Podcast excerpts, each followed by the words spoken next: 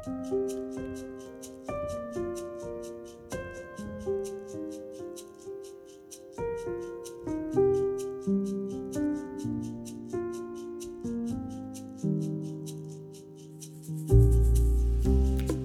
dere i Herren alltid. Igjen vil jeg si gled dere, sier Paulus fra fengselscella i kapittel fire i Filippebrevet. Det hender rett som det er at det snakkes ganske overfladisk om fest og glede i vår tid, også i det såkalte kristenlivet.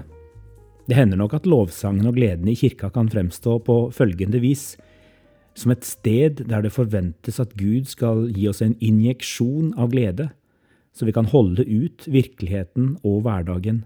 Himmelsk påfyll. En avledningsmanøver fra hverdagslivets elendighet. Egentlig et late-som-liv. Jeg tror ikke det er dette som er intensjonen hos noen av de som leder gudstjenester og lovsangsmøter, men jeg vet at noen kan oppfatte våre kristne samlinger slik. Det er ikke galt å bli oppmuntret til å løfte blikket og se at Gud har det siste ordet i alt som skjer med oss, men det blir galt hvis det samtidig innebærer å fornekte virkeligheten slik den er nå. Det blir feil hvis det innebærer at vi unnskylder ondskapen og det som har med vår falne menneskenatur å gjøre. Vi skal ikke kalle fryktelige tragedier og alvorlig sykdom for Guds vilje og prise Gud for det. Det er noe annet å være takknemlige midt i alt som skjer.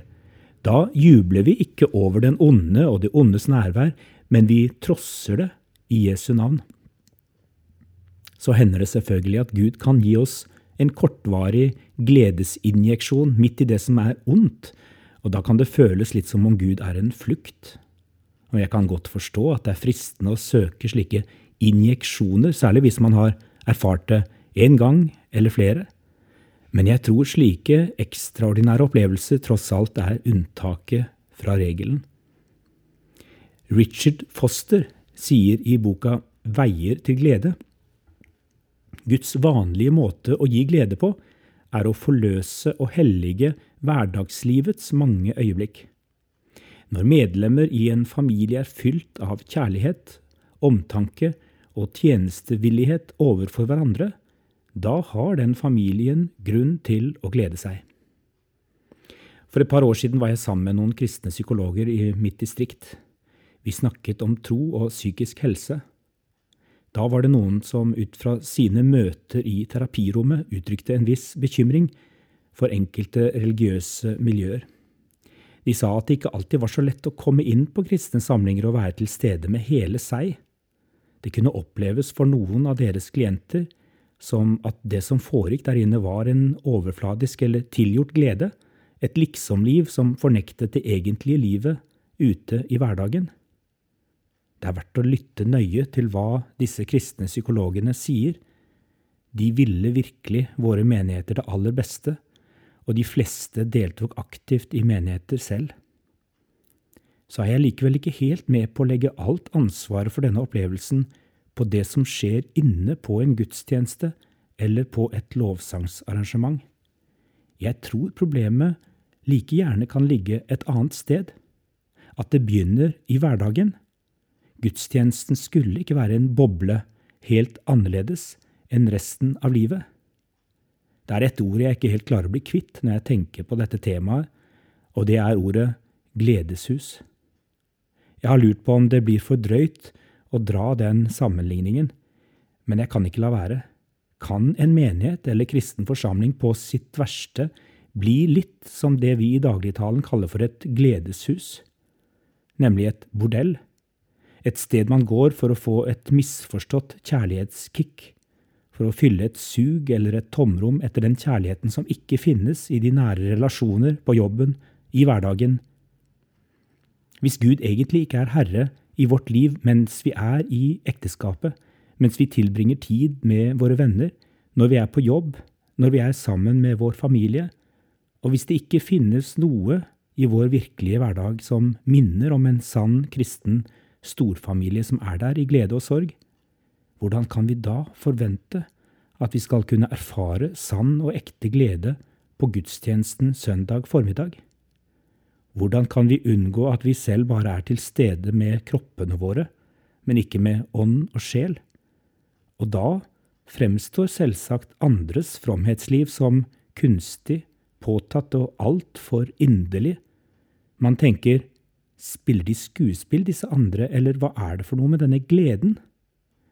For vi forventer liksom ikke en sånn glede i et hellig rom. Det passer seg bedre på fotballbanen. Sånn må det jo bli hvis det som skjer på våre kristne storsamlinger først og fremst handler om hva som skjer akkurat der og da, inni den litt rare bobla. Men Guds drøm, tror jeg, er at det begynner et annet sted. Det begynner i alle de små øyeblikkene i hverdagen. Det begynner med at vi inviterer Guds nåde og godhet og hellighet inn i alle rommene i våre liv, og faktisk lever som om Han er vår hverdagsherre, vår frelser, vår eneste redning i en fallen verden som venter på forløsning og nyskapelse. Da lever vi et maksimalistisk, ikke et minimalistisk Jesusliv. Og så kunne jeg sagt mye om hva det betyr, for vi får jo så lett ulike tanker i hodet. Det kan være farlig å leve hele livet med Jesus, og gå all in 24-7 hvis det er en annen Jesus vi lever med enn den frigjørende og frelsende Jesus. Er det et falskt bilde av ham vi drar rundt på, da blir det fort til utbrenthet og slit og undertrykkelse av egen stemme og egenvilje. Men jeg kan ikke forestille meg at den Jesus som disiplene fikk gå på bryllupsfest med i Kana, for eksempel, han som gjorde vann til vin og som de festet med, at ikke han også var en person de ville tilbringe hverdagen sammen med. Og skulle de gjøre det, ja, da måtte de også leve med hverandre.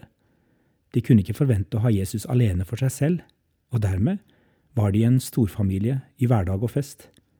Og etterfølgelsen, lydigheten, den skapte en varig og ekte glede som kunne tåle smerte, sykdom, ondskap, forfølgelse, lidelse, ja, til og med død, fordi de gikk sammen med livets høvding alle slags dager.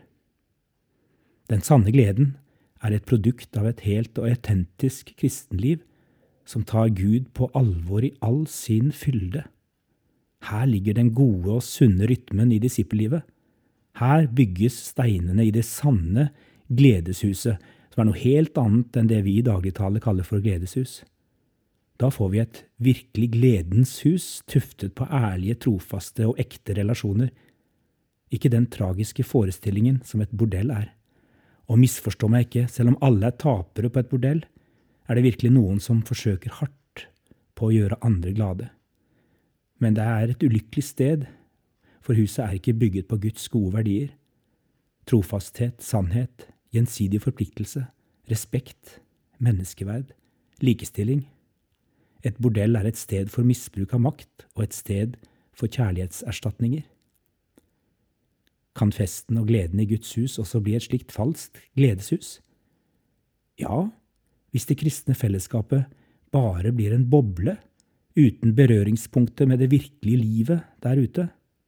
Hvis vi tror at Gud bare bor i kirka, ikke hjemme og ikke på jobben, da går vi bare dit og fyller oss opp med en gledesinjeksjon, og så går vi tilbake og lever liv der Gud ikke har tilgang. Hvordan kan vi da forvente inderlig og ekte glede på søndag? Gled dere i Herren alltid. Igjen vil jeg si, gled dere, sier Paulus fra fengselscellen i Filippebrevet 4.4. En glede som gjennomsyrer hele livet, fordi den begynner i hverdagen og kulminerer i festen. La oss be.